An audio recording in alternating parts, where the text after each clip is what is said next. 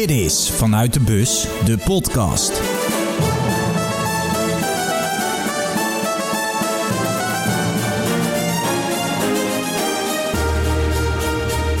Goed dat je luistert naar de derde aflevering van Vanuit de Bus. Ook vandaag ging ik weer op pad. Vaak schrijf ik de introtekstjes uh, na de interviewtjes, zo ook vandaag. Maar vandaag deed ik het al ergens in de middag. Nou ja, de podcast komt natuurlijk al pas de volgende dag. En ik ging ook de wedstrijden kijken, waaronder Denemarken-Finland. Vanwege de gebeurtenissen daar heb ik mijn intro aangepast. Want ja, net als iedereen ben ik ook daardoor getroffen, geraakt. Um, het besef dat het iedereen kan gebeuren, iedere dag. Dat we moeten genieten van alles wat we krijgen. Het EK moet een feestje zijn, maar vandaag was het toch wel een mineur. De interviewtjes die jullie gaan horen tijdens de podcast heb ik al gedurende de dag opgenomen. Dus toen wisten we nog helemaal niet van de wedstrijden af. En uh, ja, hopelijk genieten jullie van deze aflevering en genieten jullie van de dag. Want er kan zomaar iets gebeuren waardoor je leven op de kop staat.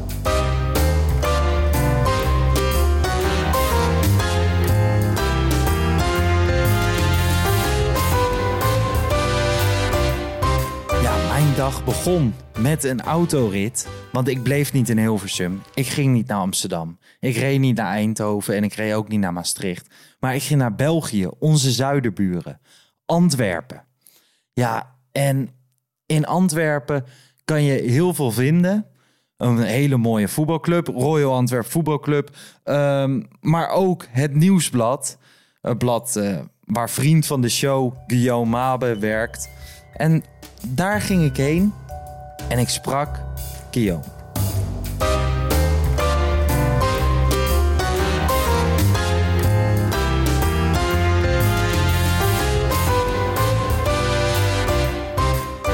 Ik zit hier tegenover Guillaume Mabe op de redactie van het Nieuwsblad.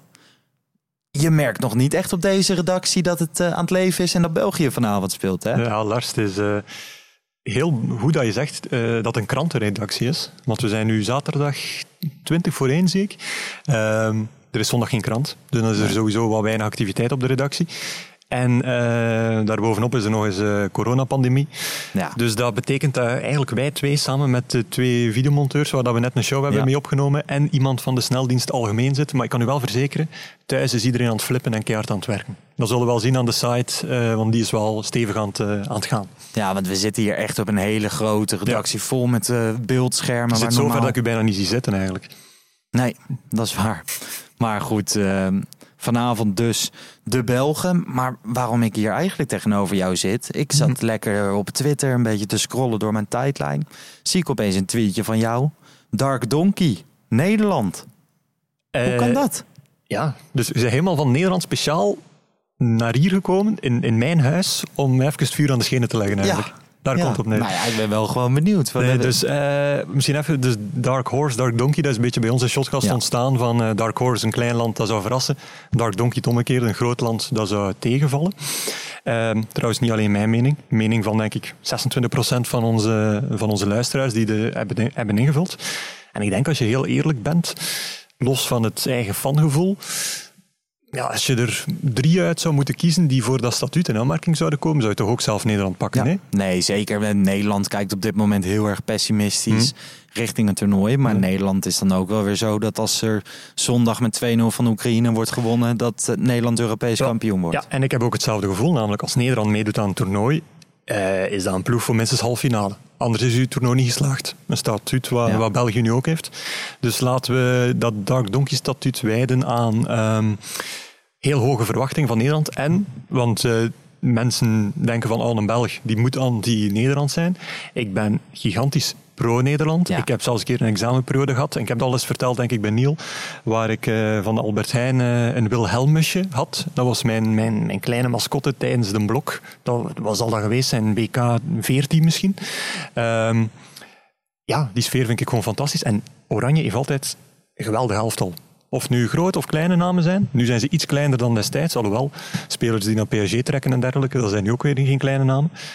Maar ik denk gewoon ehm, dat, dat die spelerskwaliteiten ja, dat die een beetje gefnuikt gaan worden door, door de kwaliteiten van de bondscoach die misschien niet zo indrukwekkend zijn. En wordt er zo ook vanuit België naar Nederland gekeken op dit moment in het algemeen? Dat de bondscoach, dat daar twijfels over zijn? Ja, ik denk het wel, maar ik denk dan direct terug aan uh, Didier Deschamps over wie, denk ik, zelfs in Frankrijk nog meer twijfels dan, dan vertrouwen uh, gaat. Zeker omdat hij die finale dan verloren heeft ja. uh, in 2016. Zelfs dat winnen van het WK 2018 heeft misschien niet helemaal omgedraaid voor hem, omwille van de manier waarop. Maar als je aan de chance zou vragen van ja, uh, probeer het nu eens met minder kwalitatieve spelers of op een andere manier.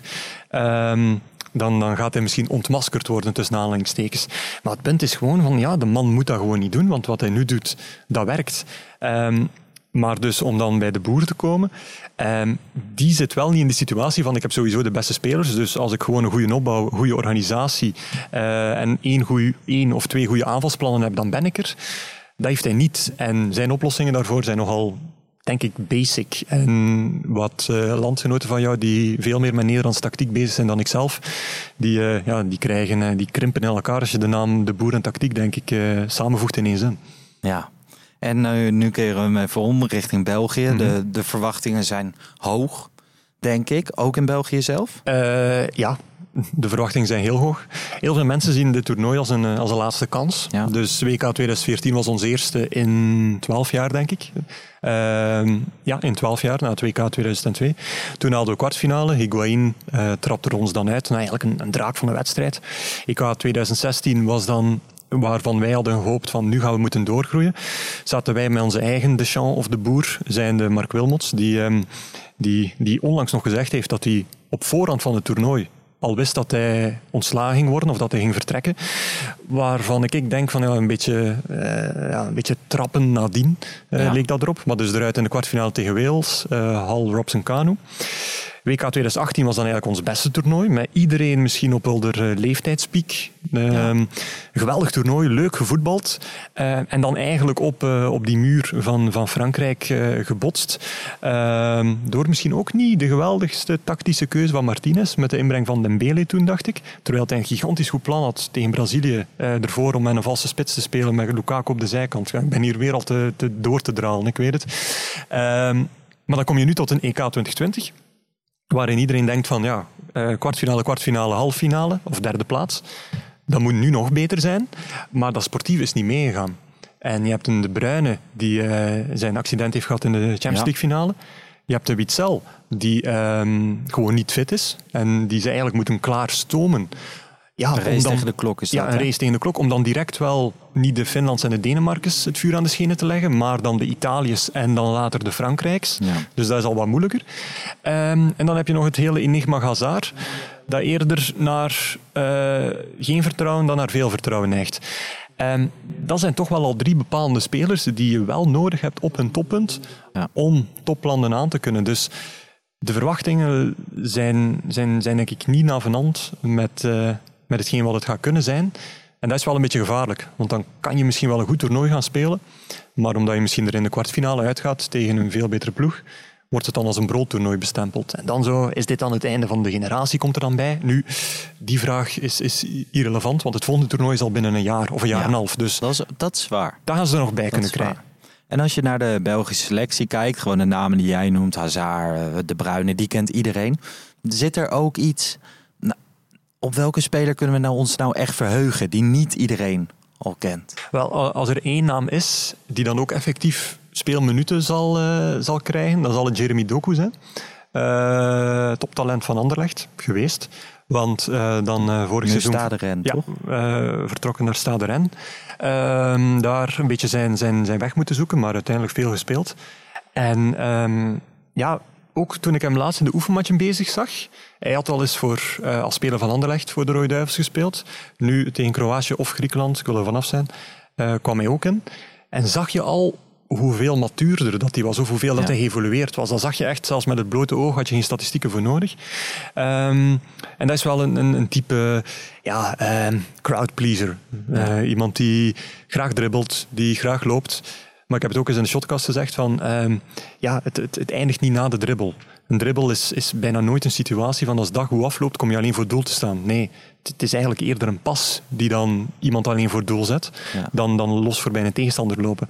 Dus wat hij na die dribbel doet, ehm, als hij daar nog in verbetert, ja, dan wordt dan um, top 10 gouden balspeler in de toekomst. En nu kan hij misschien wel al een beetje die, uh, die stap zetten. En uh, ik hoop voor hem dat hij er wel een paar, uh, paar ja, binnenlegt. En een beetje leuk. de origi misschien van ons, van deze generatie wordt. Tot slot, wordt België Europees kampioen? Nee.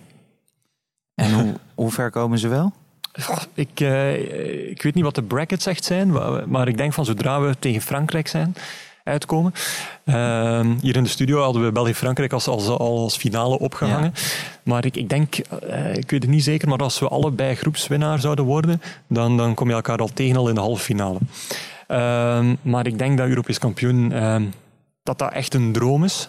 Ook een stunt zou zijn als je de, de aanloop ziet. Ehm, wat niet wegneemt dat, dat België wel onder Frankrijk in mijn, in mijn uh, opinie tot die poelen van vier, vijf landen behoort die um, mits een topvorm ja. uh, wel zeker kans maakt. We zijn zeker niet kansloos. En Nederland als Dark Donkey uit de groepsfase? Nee, dat is overdreven, maar het zou mij nu ook weer niet verbazen als een uh, Oekraïne, dat eigenlijk ook veel problemen heeft gehad, uh, doelmannen perikelen. Ja. Um, vorig jaar denk ik meer corona had dan, dan, dan trainingen heeft kunnen afwerken. Um, en ja, Remchuk, Belgische spits, die is uh, oké, okay, maar die is ook weer, weer niet fantastische topkwaliteit. Older 6 is ook niet uh, geweldig van Oekraïne. Dus ik heb hen dan als Dark Horse opgegeven. Maar ook een beetje omdat er niemand echt anders was. Maar ik heb Dark Horse Oekraïne gezegd en Dark Donkey Nederland. Dus dan zou ik mijzelf beliegen als ik niet zeg dat in groep C dan Oekraïne op 1 en Nederland op 2 ja. zou eindigen. En we gaan het al redelijk snel weten. We gaan het zien. Dank je, Joom.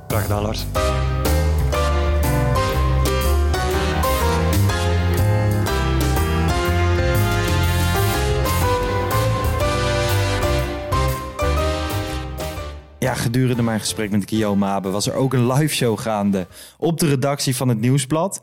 Erik van Mer, ex-international, 35-voudig rode duivel.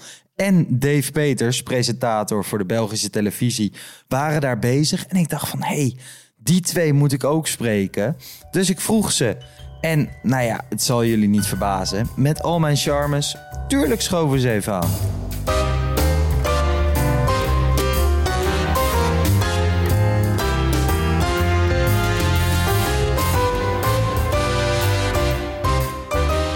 Heren, een hele goede morgen. Goedemorgen. Goedemorgen. Ik zit hier op de redactie van uh, het Nieuwsblad. En ik kom hier binnenlopen en ik had uh, afgesproken met Guillaume. En opeens zit ik met een 35-voudig international, Rode Duivel, tegenover me. En een sportcommentator. Klopt. Heb ik prima voor elkaar, toch? Ja, en wij voor iemand met een hele mooie oranje, uh, ja, hoe noem je dat? Hoodie.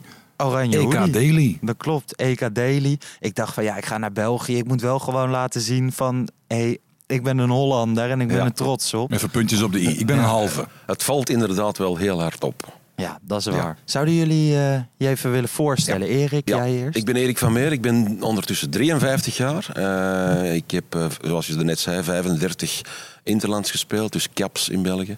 Ik had al 68 selecties, dus dat betekent 68 keer erbij geweest, maar de helft van de tijd gespeeld.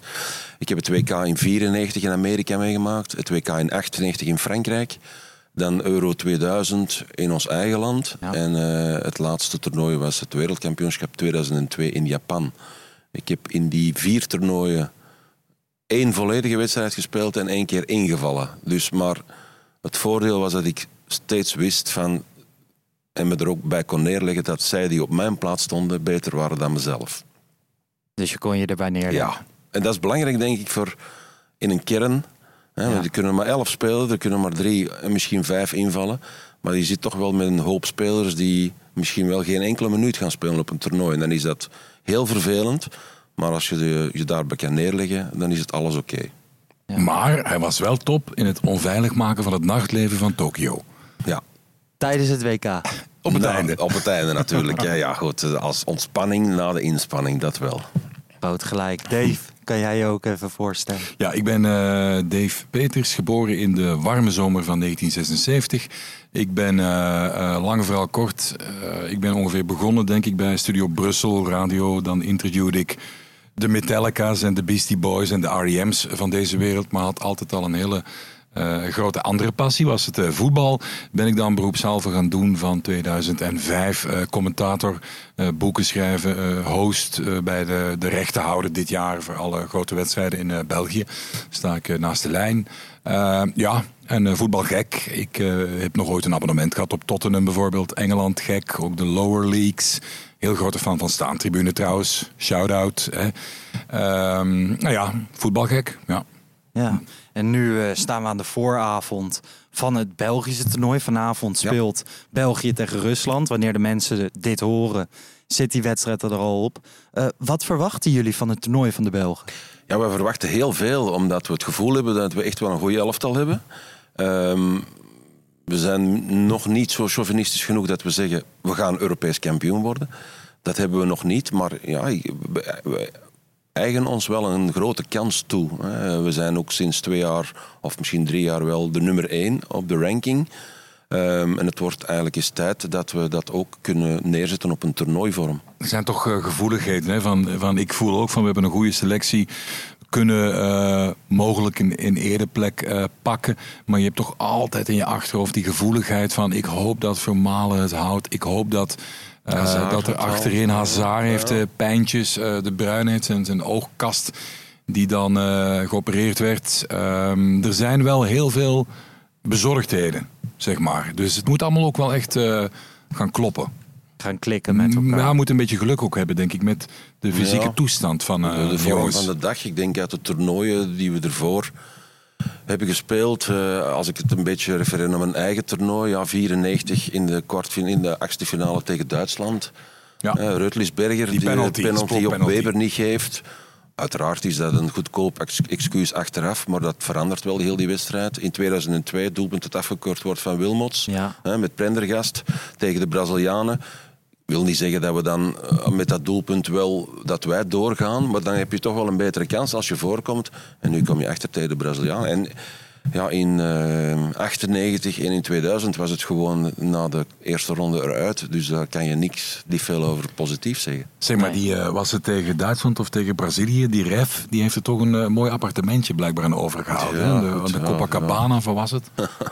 In die tijden kon dat nog allemaal. Ja, het is natuurlijk daarom denk ik dat we ons ook. Uh, laten we het echt uh, focussen op, uh, zoals Dave zegt, van. Ja, moesten we echt in de finale geraken, of misschien we Europees kampioen worden, dat zou een ongelooflijk succes zijn. Daar hunkeren we echt naar. Ja, dat snap ik. Ja. Dat, uh, dat heb je in Nederland natuurlijk ook jarenlang gehad met de goede generatie, met Snyder, ja. Robben, ja. Van der Vaart. Um, ik heb het idee dat dit België ook een beetje in die rol zit. Um, ik heb voor, voor mijzelf gesproken, had ik het idee dat het in 2018 had moeten gebeuren. Toen was het echt een heel erg goed team. Um, en nu, nu heb ik dat wel iets minder van buitenaf gekeken. Hoe wordt daar hier in België naar gekeken? Ik heb iets minder, uh, eerlijk gezegd, iets minder verwachting dan in 2018 ook wel eigenlijk. Alles wat er nu uit de bus valt, vind ik een bonus en een plus. Al hopen we natuurlijk wel op minimum kwart halve finale, zeg maar. Halve finale misschien toch wel. Um, en dan zien we wel wat er uh, gebeurt. Hè? Want als je dan ziet die wedstrijd die we dan plots tegen Frankrijk uh, moeten. Er is de glorie en de euforie naar Brazilië. Mm -hmm. En dan zit je plots in een non wedstrijd, zeg maar, waar je eigenlijk 90 minuten ja. frustrerend, nagelbijtend. Dat zie je wel vaak, hè, die hele kapitale wedstrijden. Dat die een bepaalde uh, teneur hebben. Meestal laat een wedstrijd wel eens om reguleren. Mm -hmm. En die dan niet. En dat is heel erg frustrerend. Het probleem is inderdaad, excuseer, dat we uiteindelijk hadden we er tegen Japan ook kunnen uitleggen. Ja, als, Jan, ja. als Jan Vertongen op, met die kopbal niet direct 2-1 maakt, of 1-2 maakt, ja, dan lig je uit het toernooi. En dan is het inderdaad heel negatief. En uh, men spreekt inderdaad van toen was het de ultieme kans om een finale te spelen. Uh, maar in die halve finale ja, heb je inderdaad één onoplettendheid, één corner, waar de Fransen iets slimmer zijn dan de Belgen. En um, dat wordt ook nu telkens maar herhaald dat we daar hopelijk de juiste lessen uitgepakt Ja. hebben. Maar het is, een toernooi is altijd ja, de vorm van de dag. Hè, en het is belangrijk dat je inderdaad eh, een speler, dat iedereen ter beschikking is. Maar ja, goed, als je zeven wedstrijden moet spelen, Vermalen zal ze niet alle zeven spelen. Ehm, hij moet ze juist te pieken hè, naar Ja. het juiste moment. En ik denk dat dat de keuze van Roberto Martinez heel belangrijk is. Dat hij het spelers achter de hand houdt die fit blijven. Hè, Als Hazard vandaag of eh, donderdag moet spelen en hij heeft een eh, wrekking, ja, dan is het toernooi over. Ja. En zijn de straten al rood? Ja, wij zijn eh, heel eh, nuchter daarin. Hè. Eh, de straten zijn nog niet rood, maar als het dan wedstrijd is en het loopt goed en er is een succesje, dan kleurt alles wel eh, rood. En gisteren in, eh, in eh, Limburg heb je bepaalde plekken waar heel veel Italianen dan wonen. Dan was het eh, plots na affluiten eh, al de straten vol. Daar hebben wij iets minder. Maar als we er, we zijn eigenlijk eh, trage starters, denk ik. Maar als we erin komen, dan eh, begint het wel te broeien. Je hebt Dat echt een je vonkje nodig om het We vuur... hebben een eh, vonkje nodig, ja. nou ja, je voelt wel natuurlijk, goed, het is een, een heel rare tijd hè, met COVID-19. Eh, het is nog maar sinds vorige week dat mensen weten dat ze buiten op een scherm kunnen kijken, maar je moet wel blijven zitten. Ja. Dus het zijn heel moeilijke omstandigheden. We hebben ook een jaar moeten wachten. Dus ja, ik denk eens dat vanavond die wedstrijd wordt in gang gefloten, dat we weer terug het gevoel hebben van ja, we zitten er los in. En eh, als we gelukkig eh, hopelijk kunnen winnen, ja, dan worden we inderdaad wel elke keer wordt iedereen warmer en warmer gemaakt. Dat is, dat is ook de grote vrees van. Ik heb eh, voor het Nieuwsblad, de krant, een eh, videoreeks gemaakt over eh, de believers. Dus de ouders van de Rode Duivels. En dan was ik bij de moeder van Thibaut Courtois bijvoorbeeld. En die, die maakt zich echt zorgen, want dat zijn ouders die alles van hun kinderen meemaken. Dochter Valerie ook op eh, topniveau gevolleybald en dat soort dingen. En die eh, was dan echt bezig over, ja, ik heb al twee vaccins gehad, mijn man nog niet. Maar, maar mijn ergste nachtmerrie is, Thibaut had de finale en ik kan er niet bij zijn. Dus ook Ja. zij hebben organisatorisch nog wel eh, heel wat problemen. Dus, dus wat moet dat dan voor een supporter zijn? hè? Niet evident, hè? Tot slot, wordt we België Europees kampioen? Goh, is een echt een directe vraag, Lars. Ja. Tuurlijk. Daar En houden ik, we ik van zal, in ja, Nederland. ja, weet ik. En ik zal ook eh, voor één keer het antwoord zeggen: het gaat gebeuren. Ja. Dit seizoen Kijk. is voor ons. Tegen Ja, Holland in de finale. Zo. Als Nederland de finale haalt, dan teken ik ook wel vol hoor. Ja, met Wijndal in de. Granshol en, eh, en Gravenberg. Dat worden de revelaties. Ja. Niet? Jawel. Kijk eens aan. Verberg, ik sta En dan spreken we na 12 juli nog een keer af. Helemaal goed. Dankjewel mannen. Ciao. Graag gedaan. Ciao.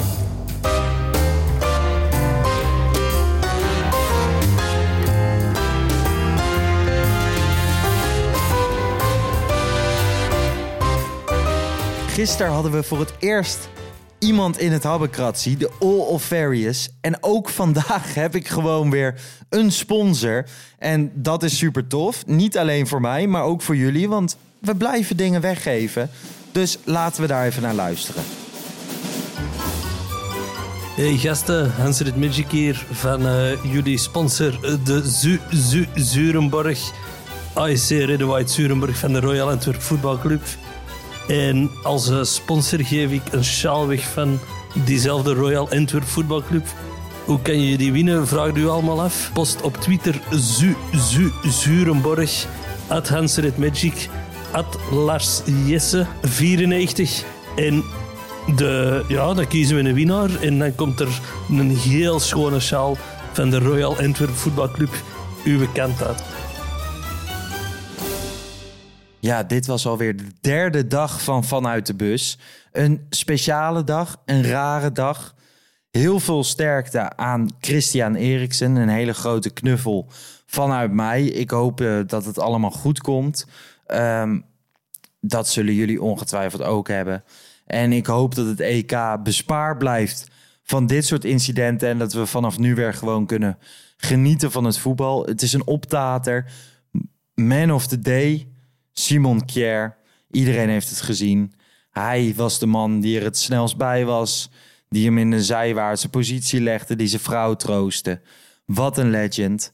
Ehm, vandaag heb ik dus in Antwerpen rondgereisd. Morgen ga ik dieper België in. Ga ik ook weer terug naar Nederland voor de eerste wedstrijd van het Nederlands elftal, waar ik heel erg veel zin in heb. Dus luister vooral morgen weer. Mocht je nog tips en tricks hebben, laat een recensie achter in de Apple Podcast app of stuur een DM naar, op mijn Twitter naar @larsjesse94 of op Instagram @larsjesse. En tot morgen, morgen. Ciao.